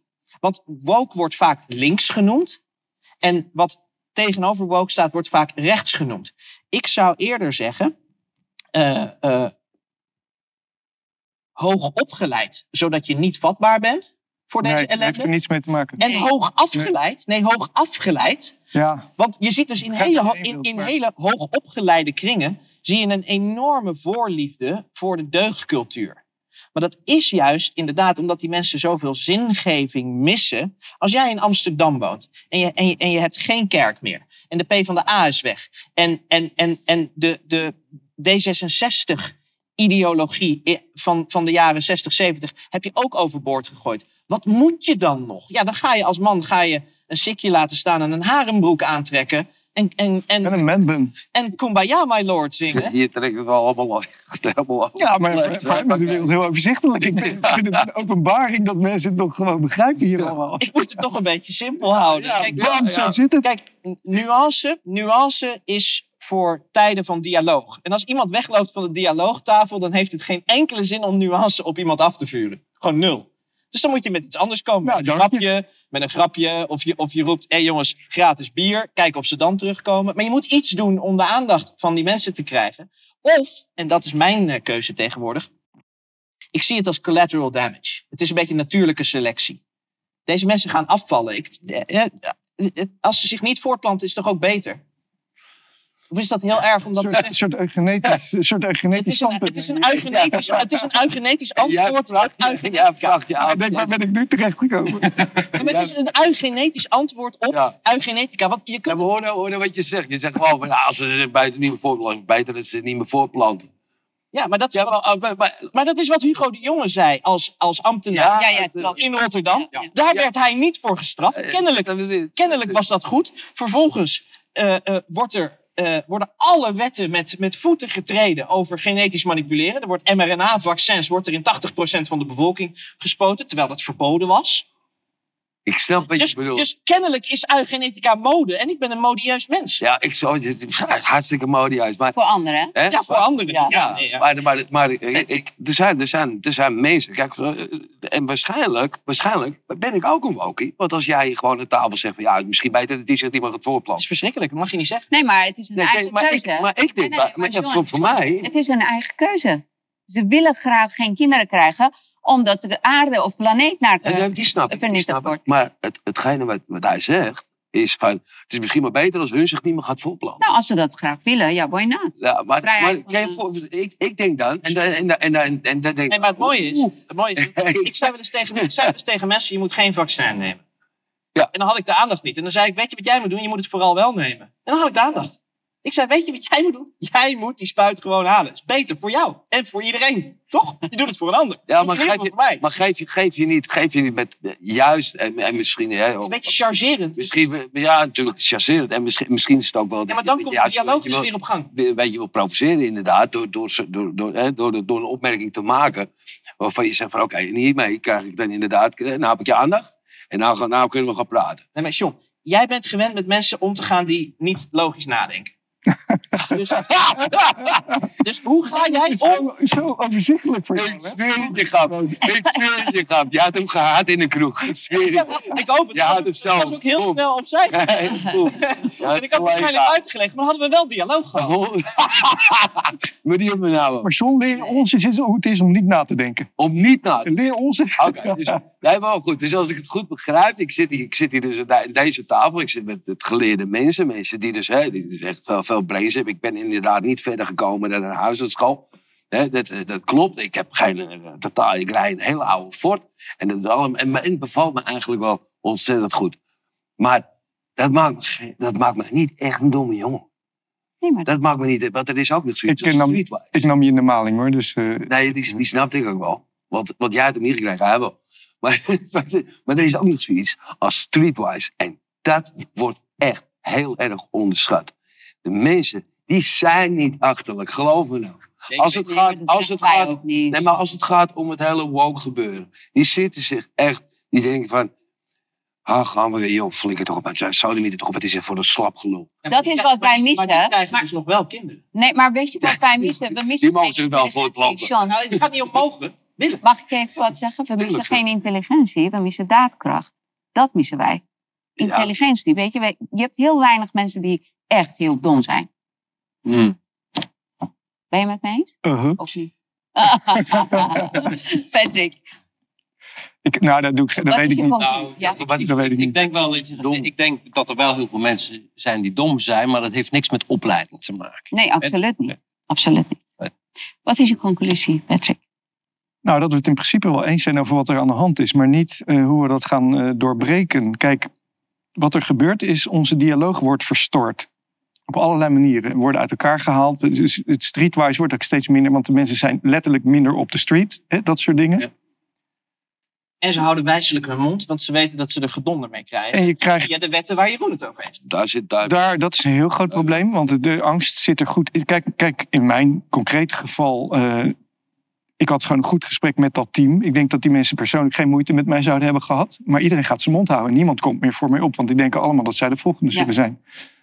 Kijk, je kan tegen die, woke, de wokies, wat in principe waarschijnlijk ook, ja, moet je nagaan dat ik dat al zeg, vrij normale mensen zijn in de basis, maar die zijn gekaapt. Die zijn, die zijn spiritueel gekaapt. Kan je niet rationeel op inpraten, dat kan ook niet. Heeft gewoon geen zin. Dat was mijn punt van net. dus. Ja, dus eh, hoe kom je hier uit? Die, eh, Dat is al voor ons ook, daar valt geen Mag ik gesprek meer. even... eh? Ja, Patrick? ik, ik zou het niet weten, maar eh, ik weet wel wat. Het, uiteindelijk moet je die mensen een zinvoller geef- leven geven. Een, een- Je kunt het alleen maar zelf ja, Eh, Je, je kan iemand anders geen zin geven. Dat, zin geven moet je zelf. eh, ja, maar die programmering zou je moeten kunnen door, gaan doorbreken op een gegeven moment. En die krachten zijn groot hoor. Dus eh, al die, Van? van die programmering van ons, de fifth generation warfare, hè, dat klinkt misschien wat, maar dat is, dat is wel wat er aan de hand is. Nou, je, ziet, je ziet het. En die krachten worden alleen, maar, worden alleen maar groter, omdat die AI is dit jaar vooral enorme sprongen aan het nemen. Die kunstmatige intelligentie. En die is er heel, heel eh, patroon herkennen is wat zoiets kan. Hè, nadenken kan een AI niet, maar patronen herkennen in hele grote data. Dus voorlopig ben ik niet positief, helaas. Maar we maken er wel positief van. Ik, ga, ik kom graag eh, eh, naar jou zo meteen. Even Patrick bedanken. Dankjewel voor je bijdrage.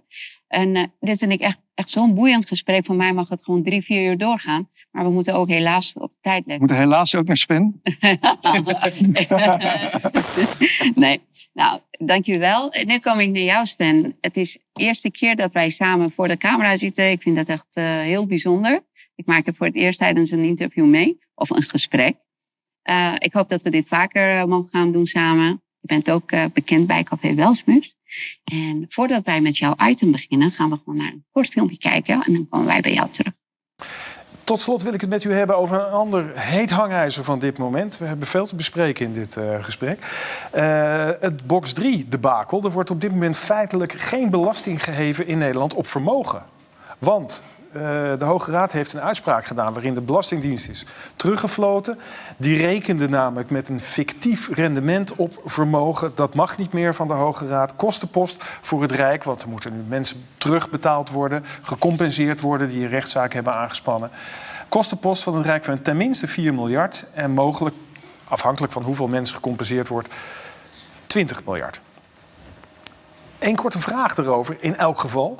Dat gat van 4 miljard, minstens, hoe moet dat gedicht worden in de begroting volgens u? Nou, kijk, dat zijn uiteindelijk politieke keuzes, maar het moet in elk geval gedicht worden. Uh, want conjunctureel kunnen wij natuurlijk een belastingverlaging van 4 miljard op dit moment missen als kiespijn. Uh, en hoe het dan gedicht moet worden, uh, dat, is, ja, dat is uiteindelijk een politieke zaak. Ik wil daar toch wel een paar opmerkingen over maken. Dat ik zou in ieder geval ervoor pleiten dat het binnen de sfeer van de vermogensbelasting wordt opgelost. Kijk, een, elke overheid heeft om zijn taken te, uh, te kunnen uitvoeren gewoon een, een, zekere hoeveelheid belastingmiddelen nodig. Die kun je op verschillende manieren heffen. En de manier waarop je ze heft zegt ook wel iets over het type economie en het type land wat je eigenlijk wilt zijn. Als ik kijk naar waar wij onze belastingmiddelen vandaan halen en ik vergelijk dat met onze omringende landen, dan halen wij relatief weinig belasting uit de vermogensbelasting op particulieren. Mm -hmm. Dan halen wij relatief veel belasting, maar ja, het geld moet toch worden opgehaald, uit de inkomstenbelasting. Dus je zou kunnen zeggen dat wij meer dan andere landen een soort renteniers-economie aan, het zijn, uh, aan het worden zijn. Terwijl wij eigenlijk de hardwerkende Nederlander daarvoor laten betalen met hogere, belasting, uh, hogere tarieven inkomstenbelasting. Dus uw pleidooi is? Dat vind ik geen goede ontwikkeling. Ik denk dat om bijvoorbeeld arrangementen als de zorg ook in de toekomst enzovoort betaalbaar te halen, dat wij juist zouden moeten inzetten op een belastingstelsel dat arbeid en ondernemerschap stimuleert en vermogensbehoud toch op een iets lager pitje zet. Dat zou dus eerder pleiten voor een ruimere vermogensbelasting. Ja, en het laatste punt, het zal u niet verrassen, ik heb het vaker gemaakt. Ik denk dat daarvoor ook de eigen woning meer in beeld moet worden gespeeld dan op dit moment het geval is. Dus de eigen woning naar box 3 in het belastingstelsel? Of het nou box 1 of box 3 is, hoe dan ook, de zeer lage belasting van de vermogenswaarde in de eigen woning. Even één cijfertje toch nog. Gedurende de pandemie is de hele Nederlandse woningvoorraad met 300 miljard in waarde gestegen. Waarom zou iemand die meer arbeidsinkomen heeft daar 50 tot aan 50 procent belasting over moeten betalen. Terwijl iemand die datzelfde geld krijgt uit de waardestijging van zijn eigen woning, ja. daar 0,55 procent belasting over moet betalen. Ik denk dat dat perfect illustreert wat ik u zojuist heb gegeven. En in dat kader denkt ook de Nederlandse bank, uw collega's, ook na over hoe je dat overbieden tegen zou kunnen gaan hè, op de huidige woningmarkt. Geld. Geld en vermogen. Het is. Uh het is wel eens moeilijk om je dat voor te stellen, maar je rechten zijn letterlijk niets waard als je ze niet kan effectueren. Dus als jij de vrijheid van meningsuiting hebt, dan is dat allemaal prachtig op papier. Maar het kan alleen vorm krijgen als je genoeg geld hebt om een website te bouwen, om een website te onderhouden. Je recht op demonstratie of de vrijheid van vereniging zelfs. Uh, daar heb je alleen wat aan als er treinen rijden. En als je vanuit het hele land elkaar A kan bellen. En dus je telefoonrekening kan betalen. Dus geld is een middel van vrijheid. Er is een liedje dat heet Vrijheid is een volgetankte Mercedes.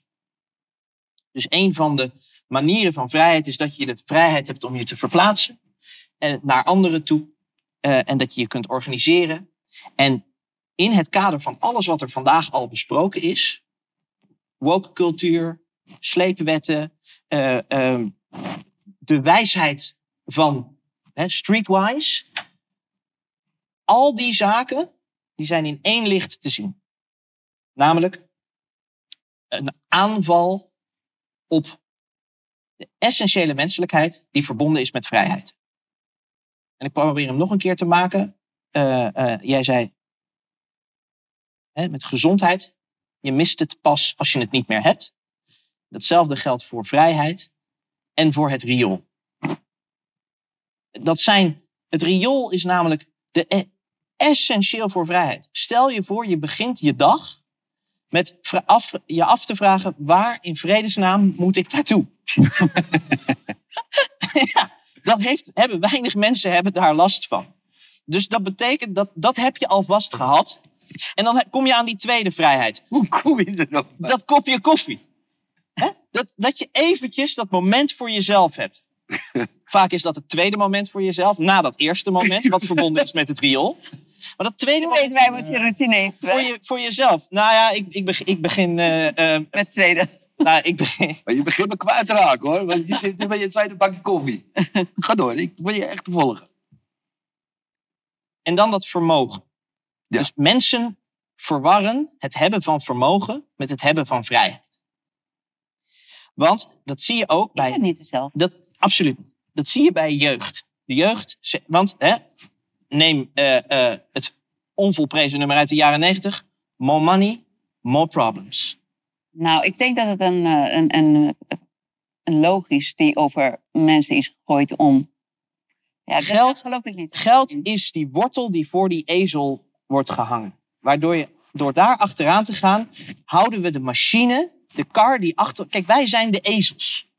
Wij zijn ingespannen in een wagen. En in die wagen zitten die mensen van ze, waar jij net naar vroeg. Ik vraag ook nog steeds af waar ze zijn van ze. Want dan kan ik ze een dagvaarding sturen. Maar, maar ze hebben geen adres. Want ze zitten onzichtbaar in die kar, omdat wij aan de voorkant worden afgeleid door die hengel die zij voor ons hebben hangen. Daarom zoek ik ze ook vaak in de financiële sector. Maar die, zonder dat, eh, de dat overheid. worteltje kan je ook niks doen. Precies. Dat is hem. Want die ezel denkt, ik moet die wortel eten, want dan kan ik die kar blijven trekken. Mm. Maar die wordt Want, ik, want ik, ben iets, ik ben door het leven aan het lopen en het is zwaar. En ik, kijk, ik heb geen tijd om achterom te kijken. Dus dat is het concept. Het, het heet niet voor niets het World Economic Forum. Economie, les 1 in de economie, is dat economie is de schaarste leer. Dus er wordt ons allemaal verteld dat er dingen schaars zijn. Zo is geld is schaars. Mensen die gaan een lening halen bij de bank en die, ga- en die gaan naar huis en dan trekken ze een flesje champagne open om te vieren dat ze zojuist een strop om hun nek hebben gehangen en die ezelkar nog wat zwaarder hebben gemaakt. Dat is ongelooflijk, die geldtruc over programming eh, eh, gesproken. Mensen geloven, zijn gaan geloven dat geld en vermogen vrijheid geeft. En dat is een fantastische truc. Want, en ik heb dat, zo kwam ik ooit bij Weltschmerz. Eh, in de vorige crisis kwamen mensen met restschulden te zitten. Want iedereen die het woord hypotheek niet kon spellen, had er wel een. Dus die hadden allemaal geld geleend en die huizenprijzen die waren omhoog gegaan. Het IMF zei, Nederlandse huizen zijn 30% te duur. De Nederlanders zeiden, dat is niet waar. Het IMF had gelijk. En die huizenprijzen die kelderden. Nou, nu zien we iets anders. Gaan we het ook nog wel een keer over hebben op die huizenmarkt. Maar je ziet nu de aanval op het vermogen. Want ze weten dat er een hele grote zeepbel is opgepompt na die vorige crisis. Ze hebben de vorige crisis, die eigenlijk neerkwam op het ineenstorten van een alcoholverslaafde, die van die alcoholverslaafde hebben ze nu een heroïneverslaafde gemaakt. Ze hebben de schuldenproblematiek opgelost met meer schulden en andere schulden, indirecte schulden, inflatie bijvoorbeeld. We drukken geld bij om de economie overeind te helpen. Ja, maar we lenen dat geld van de volgende generaties uit de toekomst, die dat toch ergens een keer moeten gaan terugbetalen. Dat besef leeft niet. Wat is nu de bedoeling? Iedereen die met pijn en moeite zwoegenderwijs iets heeft opgebouwd van eigen vermogen, of, en dat is de echte truc die hierachter zit, de erfenissen die gaan komen. Want al die babyboomers gaan nu dood. En dan wordt er gezegd, er komt een enorme bult vermogen vrij van die babyboomers. Dat wordt overgeheveld naar de nieuwe generatie. Dat betekent dat als jij in privé gaat erven, vermogen, dan wil de Belastingdienst in privé belasting gaan heffen. Deze, deze vermogensbelasting, die ziet vooral, ah, je, je pakt drie vliegen in één klap. Je eigen vermogen is ineens belastbaar, wat jij hebt opgebouwd in je eigen huis. Dus eerst betaal je je eigen huis. Dan zit, dan zit als slavendrijver zit de bank achterin met de zweep. en de wortel voor jou. En maar rennen en maar rennen. Werken en zwoegen. En op het moment dat jij denkt, nou, ik heb die last gelost. Ik heb, ik heb afgelost. Letterlijk. Ik heb dus, hè, ik heb die blauwe eh, Ik heb die bankier. Nee, dan ko- komt er een nieuwe koetsier eh, aan boord. Dat is de Belastingdienst. Dat is, dat is de fiscus. Die, gaat- eh, hoppa. En, en met een beetje pech is hij nog 20 kilo zwaarder dan die bankier ook. Dus, dus je pakt iedereen die, die, die keihard gewerkt heeft, die pak je nu snoeihard aan. Dus dat is, dat is net als jij de oogst binnen hebt. Hè, ik dat is, van, ik zit nou, nou zit ik lekker. Je hebt ook dat in het dierenrijk heb je eekhoorntjes. En iedereen ziet die eekhoorntjes rennen en die eikeltjes verstoppen en die walnootjes verstoppen. Maar 15% van de eekhoorntjes die zitten rustig een peukje te roken tegen een boom te leunen. Die zit namelijk te kijken waar die andere eekhoorntjes, die eikeltjes en die nootjes aan het verstoppen zijn. En dat zijn de slimmerikken. En dat zijn de bankiers en de overheid. Maar wat is nu slim om te doen? Eh, nou, wat slim is om te doen, is dat is hetzelfde als met wanneer plant je. Wat is het beste moment om een boom te planten, Sjorre? Als eh, het weer goed is of klimaat. eh, Nee, 20 jaar geleden. dus ik ben sowieso 20 jaar te laat. Correct. Dus dat geldt voor iedereen die nu zit te kijken. Oh shit, de vermogensbelasting komt eraan. Sorry, too little, too late. Dit advies, kijk de Weltsmerts-video's terug van Arno Wellens eh, en Sven Orke Hulleman uit 2017. Vijf jaar geleden zeiden wij, verkoop je shit en pomp jezelf helemaal vol met schulden. Want er komt inflatie aan. Hoeveel schulden heb jij? Eh, eh, dat, is een, dat is een privévraag. Dat is waar, ja. Ja, dat is waar. Heb stelt. jij veel schulden? Mijn, mijn, mijn schulden lopen in de zeven cijfers. Zo? En ik heb geen bezit. Ik heb, een, ik heb een voorschotje genomen op You will own nothing and you will have no privacy. Probleem is, I'm not happy op dit moment. Daar word je heel ongelukkig van. Maar in het kader van dat World Economic Forum met schaarste is het letterlijk de bedoeling. En dat is geen complot. Het is gewoon in full play. Alle wetten, niet alleen in Nederland, in heel Europa, in het hele Westen, maar zelfs voor Afrika, zelfs voor China. Het gaat naar geen bezit. En deze vermogensbelasting is daar één voorbeeld van. Wat wordt er dan nu gedaan? En dat is echt verschrikkelijk. De jonge generatie, die dus geen bezit meer kan opbouwen, want dat is een probleem, want dan wordt het in box 3 wordt je belast. Hé, hey, nou dan hebben ze een handige truc hoor. En dan heb je allemaal van die, van die jij vraagt wat moet je doen? Je financieel adviseurs die zeggen, Stop het in een BV. Hè, want dan heb je vennootschapsbelasting. Eh, nou, dan krijg je een rekening van 1500 euro voor dit briljante, niet werkende financieel advies. Want wat gebeurt er? Al die jonge jongetjes nu, die zijn allemaal huisjes gaan kopen. En dan heb je van die, van die reclames op YouTube. Je hebt geen eigen vermogen nodig om tien appartementen te bezitten en te verhuren, et cetera. Het wordt helemaal voor je voorgerekend hoe je dat moet doen. En dan heb je een vastgoed-BV'tje. En dan zie je altijd een of andere, een of andere, een of andere middenklasser die in een, in een, in een, in een, in een dure middenklasser auto rijdt. In een BMW Tesla, een of, Tesla. of in een Tesla inderdaad, whatever. En dat iedereen denkt van wauw, dat moet ik doen en ik wil die huisjes kopen. En dan, en dan, dan hoef ik niet te werken. En het kan vanaf Bali, hè, weet je wel. Dat, eh, dat kan altijd vanaf Bali kun je dit bedrijf, eh, je vastgoedbedrijf in Nederland runnen. Of nog beter, garageboxen. Je hebt hele programma's over hoe je garageboxen moet kopen en verhuren. Dat gaat allemaal in BV's. En wat gaat er gebeuren? Wat gaat er gebeuren? De macro-economie gaat deze, aan, aan deze BV's een einde maken. En dan heeft de bank... Of op- macro, macro-economie. ja, dus, dus dat betekent dat er komt tegenwind voor al deze kleine ondernemertjes.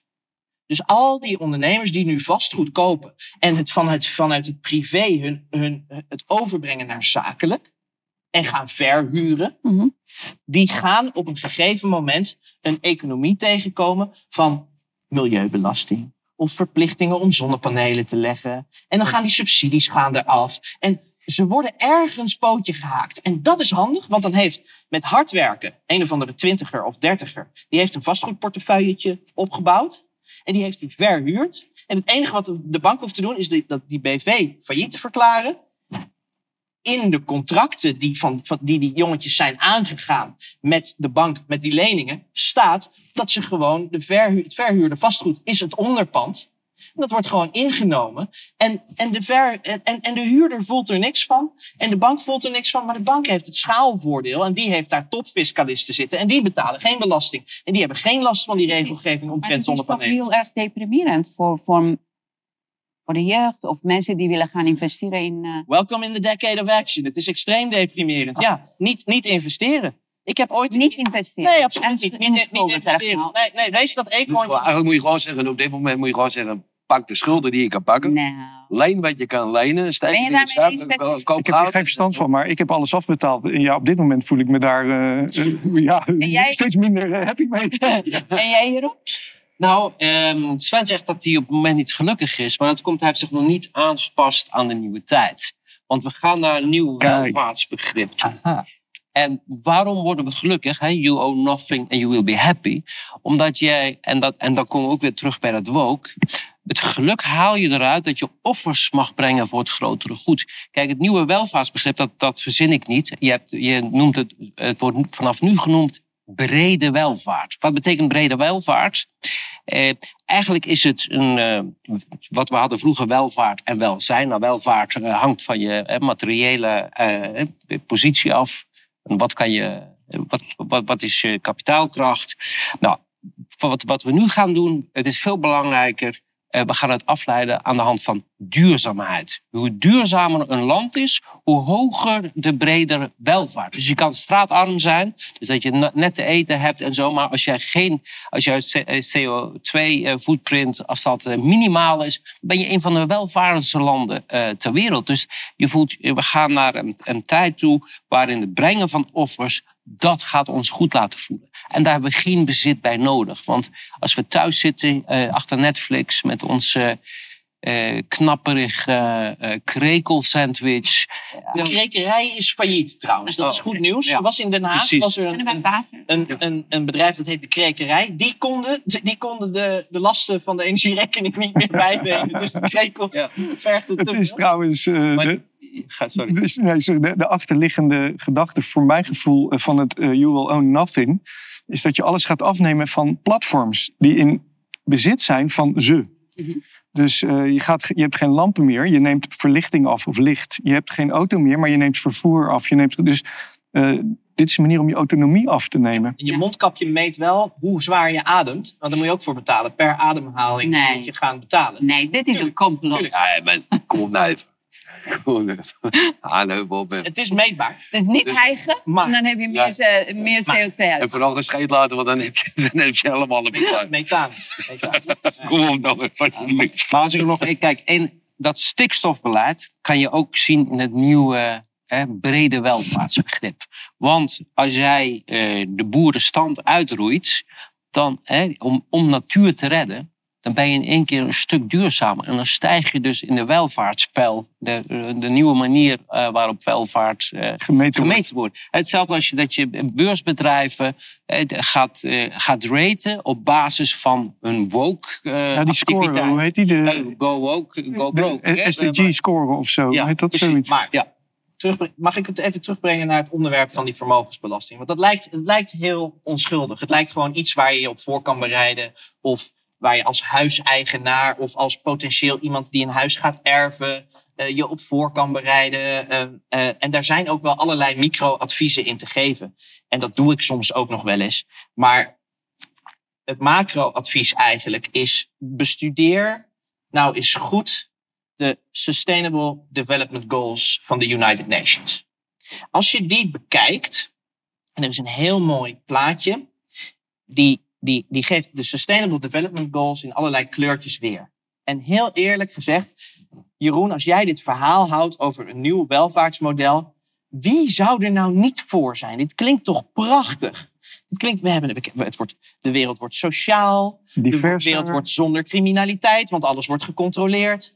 Eh, eh, de, de wereld. Welvaart wordt verdeeld. Je, de, gebru- de gebruiker betaalt. Dus, dus het, wordt, het wordt heel eerlijk eigenlijk. Als je niet op een leenscooter stapt, dan hoef je niet te betalen. Raak je geen puntjes kwijt. Als je wel op een. Als je veel plastic afval genereert, ben je meer puntjes kwijt. Als je wij, het lijkt allemaal super mooi. De Sustainable Development Goals zijn prachtig geformuleerd.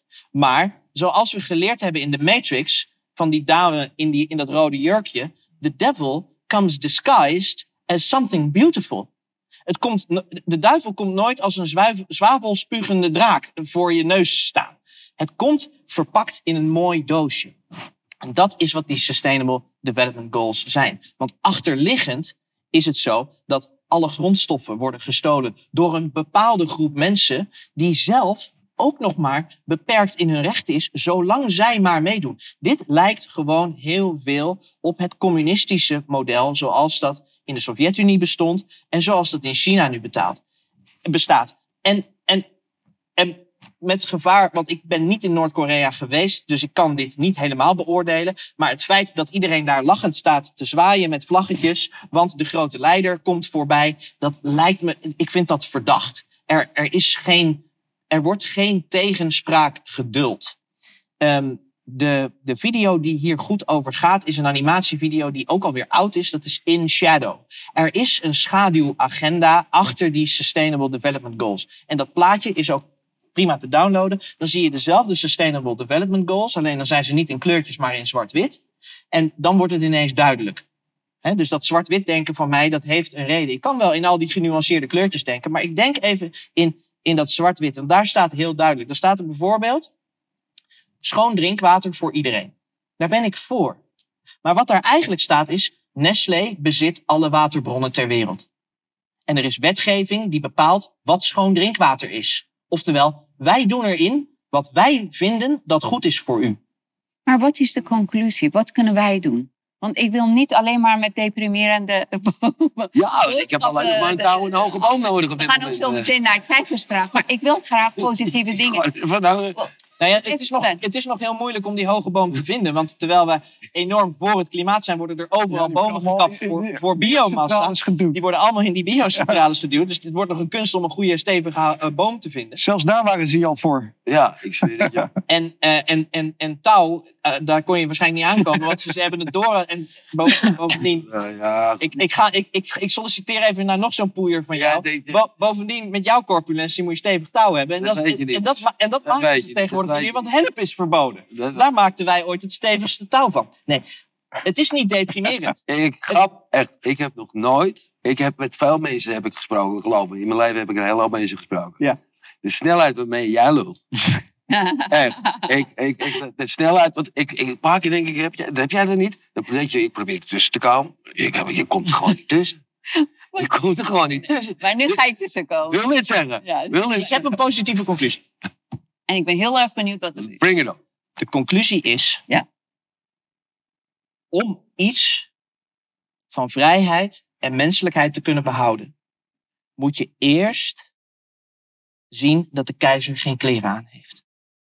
Dus degene die zich voordoet als degene die voor ons alle oplossingen klaar heeft voor de wereld.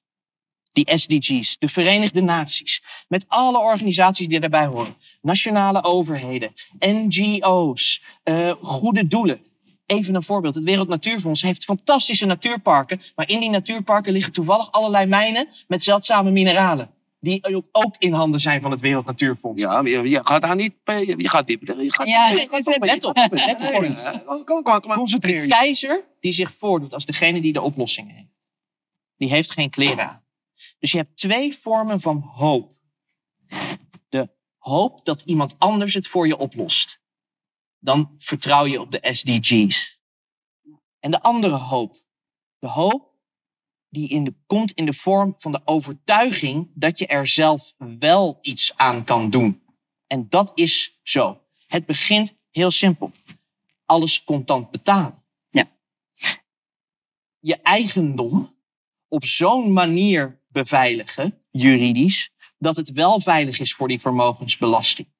Dus dat betekent dat er wel degelijk ook adviseurs zijn die andere adviezen geven. Dus het bijvoorbeeld overhevelen van het eigendom nu met warme hand. Dus babyboomers moeten delen van hun eigendom nu al schenken om het buiten die erfbelasting te houden en buiten die vermogensbelasting. Maar dat was altijd zo, hè? Dus Ja. Dat regel was er altijd. Zeker weten. En aan die regelgeving wordt wel getornd in Nederland. Maar in Frankrijk, Italië, Spanje is dit veel moeilijker om dit te doen. En in Duitsland. Kijk ook internationaal. Kijk, die, na- die nationale wetgeving, die is er omdat Nederland is een koploper in eh, het, het uitvoeren van die agenda van you will own nothing, you will have no privacy and you will be happy. Wij zijn daar een koploper in. Wij waren ook een koploper ooit al in de administratie in de jaren 40. Wij wisten precies waar iedereen woont. Dat dat nog steeds zo is, heeft meneer De Jonge ons bevestigd. Zei, we weten precies waar de ongevaccineerden wonen. We kennen ze bij postcode en per huisadres.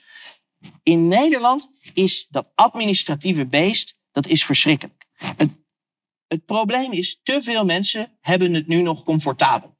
Maar de mensen die het steeds oncomfortabeler krijgen, dat zijn de voorlopers. In de Bijbel staat, de eersten zullen de laatste zijn. Dus degenen die nu alles aan het verliezen zijn, dat zijn de gelukkigen onder ons. Dat zijn degenen die net op tijd wakker worden in een, aan boord van een zinkend schip om erachter te komen dat dat schip aan het zinken is. En dan kun je, en die zullen er altijd zijn, er zullen wel op een of andere manier reddingsboten zijn. En dat zal niet gemakkelijk zijn, want als jij comfortabel in je Brits ligt, eerste, tweede of derde klas aan boord van de Titanic, dan zit je niet te wachten op een koude boot, een reddingsbootje midden dobberend op de Atlantische Oceaan. Maar dat is wel je beste optie. Dus hoe zwaar het ook wordt, de lijfspreuk van Willem van Oranje, overigens een klootzak.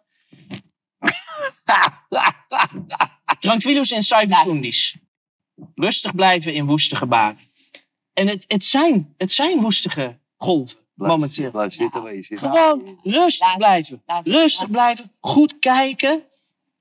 Laat je niet gek maken, want het gebeurt sowieso. En er zijn allerlei wegen omheen. Maar je moet het echt zo zien. In Nederland zal die, die dystopische hel, daar gaan we echt helemaal niets aan doen. Dat gaan we niet zomaar tegenhouden. Misschien wel, daarom doen wij ons best hier. Maar de dialoog is vrij lastig met een hoop mensen. Kijk, je ziet het verschil ook in het filmpje van Patrick. Daar lopen de mensen weg in plaats van de dialoog aan te gaan. Dat is het grootste zwaktebod. Weglopen is de grootste zwakte. Daarin zie je ook de zwakte van die mensen. Dus herken dat de aanval op jouw vermogen gedaan wordt door iemand die mentaal, spiritueel, fysiek, geestelijk en cultureel zwakker is dan jij. En hij misbruikt toevallig dat hij een, een, een, een machtsmiddel heeft. Maar wat het, wat het is, is de, het geweldsmonopolie van agenten en het leger is bedoeld om mensen die staan voor de echte culturele waarden, om die bang te maken van mensen die die culturele waarden willen afpakken. Achter dat geweldsmonopolie, daar staan mensen zoals Mark Rutte, Klaus Schwab, Hugo de Jonge. Je hoeft er maar alleen naar te kijken en dan zie je toch dat het een stel zwakkelingen is. Hoezo laten we ons dan bang maken door dat soort mensen en hun wetgeving? Ja, dat vragen wij ook. Nou, ik zou zo'n Rutte in het dagelijkse leven ook niet serieus nemen. Dank wil ik jou. Ja, je wil wat zeggen? Nou, ja, het, het, is, het, is, gewoon- het, is- het klopt natuurlijk wat hij zegt. Maar uiteindelijk, wat eronder ligt... Hij noemt al die organisaties, de VN. Hij heeft nog niet genoemd het leger. Maar dat zijn wij. Het is niet de generaal die al die mensen doodschiet. Het is niet de minister die al die mensen prikt. Het, is niet, eh, het zijn wij. Uiteindelijk Wij de zijn... Ja, verantwoordelijkheid ligt bij ons. Ja, daar ben ik ook. En dat is die hoop. De overtuiging dat je er zelf wat aan kan doen. In plaats van de hoop dat iemand anders het voor je gaat oplossen. Dus dit betekent iedere dag zelf contant betalen. Iedere dag, als de wet is, je mag 3000 euro contant op zak hebben, moet je, iedere, moet je ervoor zorgen dat je iedere dag 3000 euro contant op zak hebt en dat je alles contant betaalt. En bij degene waar je contant betaalt, dat je ook uitlegt waarom je contant betaalt. Dagelijks politiek bedrijven met de, eh, eh, de verkoper bij het groentestalletje. Gaan we zeker doen. We gaan ons best doen in ieder geval. Sven, dank je wel. Helder. voor je En, bij- en ervoor zorgen dat je zo min mogelijk belasting betaalt. Ja, ja. Dankjewel voor je bijdrage. En ik ga nu naar de kijkersvraag. Eh, onze Leila heeft volgens mij één of twee vragen. We gaan kijken hoeveel wij kunnen behandelen. Dus eh, nou, kom met de eerste vraag. Leila. Ja, dankjewel, Charette. Ik heb ontzettend veel goede eh, vragen mogen ontvangen van geïnteresseerde, maar veelal ook bezorgde mensen. En als ik dit gesprek hoor, is het ondanks Sven's positieve conclusie toch wel ergens terecht. Eh, het was lastig kiezen, maar ik heb een vraag uitgekozen die zeer concreet is gesteld. En waar dus hopelijk ook een eh, goed concreet antwoord op kan worden gegeven. Eh, deze vraag is ingestuurd door Saturi en luidt als volgt. Minister Olongre heeft een tijd geleden gezegd dat eerst het 5G maar uitgerold moet worden en zij dan pas vragen beantwoordt over het gedeelde burger-militair 5G-netwerk en hoe Defensie daar gebruik van denkt te maken. Is daar intussen al iets meer over bekend? Welke van eh, onze gasten willen dit vraag beantwoorden? Ja, ik kan het wel beantwoorden. Bij de introductie van, eh, van 5G in Nederland liepen ze tegen één probleem aan. Namelijk dat de 5G-frequentie eh, kon niet boven Amersfoort aangelegd worden, want de internationale militaire radar die draaide op die frequentie en zou verstoord worden door burgeractiviteiten. Dat is het Friese plaatsje eh, Burum.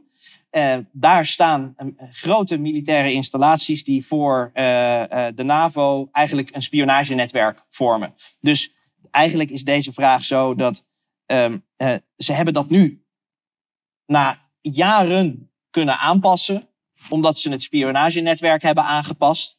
Dus nu kan de burger ook snel filmpjes downloaden. Dus we hebben ook nu overal 5G. Eh, of dat er nu al is, maar ehm, je ziet de, het tempo waarmee eh, de infrastructuur en de hardware wordt aangelegd. Dus eh, ehm, ja, ik, ik, zou me, ik zou me veel meer bezighouden met de zesde generatie internet en de zevende generatie internet. De Internet of Things, de mens als biometrisch en elektromagnetisch wezen. Er zijn al innovaties dat wij de zendmast zijn. Het is ongelooflijk dat, dit, dat de 5G-discussie is een discussie die eigenlijk thuis hoort in 2004 en niet in 2024. We hebben al heel lang 5G, maar er zijn gradaties 5G. Hè? Er is al heel lang 5G, maar het gaat hier om die speciale frequenties. Die worden nu uitgerold. Ja, de, Heb, je, de 12 hertz eh, eh, frequentie. Daar gaat het eigenlijk om. heb jij ook iets eh, toe te voegen? Ik kan wel iets zeggen om te zeggen, maar ik heb er even zo van verdiend. Heb jij mobiele telefoon? Ik denk, ja, ja, ja, die. En, en, en eh, wil jij graag dat het internet snel binnenkomt? Eh, het- het- het- het- sommige dingen boeien me gewoon niet. En, en eh, dit- is dus zo'n onderdeel- onderwerp waarvan ik denk van ja, weet je, ik kan ik wel beter stil zijn. En dat probeer ik ook. Maar eh, ik, ik, ik, ik meen het. Als mensen zelf... Kijk, de, het, het- de smartphone is een vloek en een zegen. Ja, ik ben, er niet, ik ben er niet slimmer van geworden in ieder geval. Kijk, kijk in, in ieder geval werkt het die sociale cohesie tegen. Dat, wat jij, dat voorbeeld wat jij van, de, van, van... Eigenlijk is dat de beste zin. We kunnen deze hele uitzending samenvatten met jouw opmerking over de trein. Dat vat eigenlijk alles samen. Dat laat, als iedereen zich dat visualiseert, dan ziet iedereen het probleem waar we met z'n allen in zitten. En daarom snap ik de 5G-vraag. Maar eigenlijk is de dieper liggende vraag eigenlijk dus... Hè, hoeveel controle gaan mensen over ons uitoefenen? Eh, eh, hoe gaan we geprogrammeerd worden? En Sven, hoe ga ik mijn geld verliezen... doordat, eh, doordat ik niet meer kan, kan meedraaien in de samenleving? Maar moet ik, mag, ik, mag ik wel... Mag ik wel hey, hey, Eén heb kort, moet, ik, moet ik eigenlijk 5G nou zien? Want dat is dan wat ik dan wel, in, wat ik dan, wat ik wel probeer te begrijpen. Moet ik dat 5G, de 5G dan zien eigenlijk als gewoon het instrument waarin alles eigenlijk wordt uitgerold? Nee. De smartphone zou je, zou je als zodanig kunnen Ja. zien. Ja. Oké. De smartphone. En, en hoe beter die smartphone functioneert, hoe, hoe sneller en hoe gretiger je de verslaving voedt van, van, van mensen, ehm, des, te, des te meer kun je bereiken met die mensen. ja, heb jij eh, om iets te zeggen? Ik denk dat wij nog één vraag kunnen behandelen als het een kort vraag is, Leila. Ja, zeker, Sharon. Ik heb nog een vraag. Ehm, nou, we hebben daar al over eh, gehoord van de heren. Eh, dus deze eh, vraag krijgt denk ik ook een kort antwoord. Eh, een korte conclusie. Deze vraag gaat over de WPG-wet. Is deze nog tegen te houden? En kun je een korte toelichting geven? Want wat vertel ik mijn medemens precies? En ik denk dat zij bedoelt om de medemens te waarschuwen. Ja, de, de WPG die, de, die eraan komt, die legt in principe eh, alle maatregelen vast die we uit de, in de tijdelijke wet eh, eh, ook kenden, waar, op, op basis waarvan de hele lockdowns gebaseerd zijn. Ehm, die wet gaat er komen. Waarom? Omdat ehm, die wet staat niet o- o- op zichzelf. Het, het geeft een kapstok voor als de WHO maatregelen wil nemen. De- We, we willen soevereiniteit overdragen aan de WHO. Tenminste, wij dat willen. Eh, Rutte eh, wil dat in ieder geval. Ehm, wat gebeurt er? De WHO die kan een pandemie uitroepen. En die kan dan ook, eh, als in een land een bepaald virus aangetroffen wordt, kunnen zij het beleid gaan bepalen. Dat is uiteindelijk waar men naartoe wil. En om dat beleid uit te voeren, is zo'n wet nodig, omdat je een formele wet nodig hebt om bijvoorbeeld om grondrechten in te perken of daarvan af te wijken. Ehm, en dat is naar mijn mening de reden waarom die wet er per se moet komen. Dus ik, eh, ik verwacht dat die er gewoon gaat komen. Eh, hij, wordt, hij wordt nu steeds een beetje op de lange baan eh, geschoven nog. Maar op een onverwachts moment is die wet er waarschijnlijk. Ze Ja. kunnen helemaal niks doen. Ehm nou, kunnen niks doen. We stellen vast dat wetgeving die men nodig heeft om deze agenda uit te rollen, dat die er gewoon komt. Ik bedoel, de- het idee dat er in het parlement een, een serieus debat over zou zijn, dat is, eh, het is allemaal show. Het staat van, de uitslag staat van tevoren vast. En het is altijd alleen maar politiek kijken. Welk moment kunnen we het beste nemen? Bijvoorbeeld als iedereen bezig is met woke, dan kan zo'n wet er even tussendoor gaan. Precies, ja. Ik zou me, ik zou me eh, in plaats van je over de WPG of over eh, de, de, de pandemiewet en de overdracht van ehm, eh, soevereiniteit aan de WHO, zou ik me eerder zorgen maken over welke ziekte gaat er losgelaten worden. En, wie, en wie zal dat treffen? Want die pandemiewet, die, hè, dat is dus weer zo'n hoe is het echt, namelijk zwart-wit. En het zet in een mooi kleurtje. Het mooie kleurtje is dat ze dit doen om snel en effectief de wereld te kunnen beschermen tegen allerlei ziektes. En de vraag is dus, welke ziektes komen eraan? Want de wereld was al snel en effectief beschermd tegen allerlei ziektes. Dus waarom moet dit nog sneller en nog effectiever? wat, voor, wat voor ellende voorzien zij dan dat dit nodig is? Hebben ze gepland? Ja, ik, ja, ja, we zijn aan het einde van het programma. Ik wil het graag positief afsluiten. En ik denk dat als wij alert blijven en ons eigenlijk nergens zorgen over eh, maken, maar wel opletten, komen wij een eind. Want als wij ons zorgen maken, dan worden wij zwak, worden wij makkelijker ziek. En eh, dan kunnen ze nog veel meer rare dingen over ons heen eh, gooien. En dan wordt er gezegd van ja, het is negatief en ik wil positief afsluiten. Sorry, als je realistisch bent, dan is of, je of het negatief of positief is, is irrelevant. Je bent alert. Je kijkt naar hoe is het echt. En wat je daarvoor nodig hebt is vrije media. En daarom is die, zijn die wetten over het verbieden van organisaties, zijn die zo doodeng. En het, en, en het zeggen van het bestempelen van dit is desinformatie en dit is echt. En dat programmeren, dat is doodeng. Want dat ondermijnt je alertheid. Word vooral niet negatief van de realiteit. Omarm de realiteit. Sven, als ik één ding, als ik in één ding heel erg goed ben, is alert zijn. Waarom? Omdat dat heeft mij mijn hele leven gekost. En ik kom ergens uit een land wat ik, waar ik gezien heb wat niet alert zijn, niet alleen met jou, niet alleen met jouw kinderen, niet alleen met je ouders, maar met het hele land kan doen. Dus alert zijn is heel erg belangrijk. Ik wil ook niet dat mensen onnodig positief blijven. Dat vind ik ook een hele eh, verkeerde manier om naar dingen te kijken. Realist zijn, zien en eventueel angst en zorgen in de ogen kijken. Maar probeer sterk in je schoenen te blijven. Dat is eh, waar ik voor ga. Sven, dankjewel. Patrick, dankjewel. Jeroen, jij ook bedankt. En Sean, ook bedankt. Jullie ook allemaal bedankt voor het kijken en heel graag tot de volgende keer.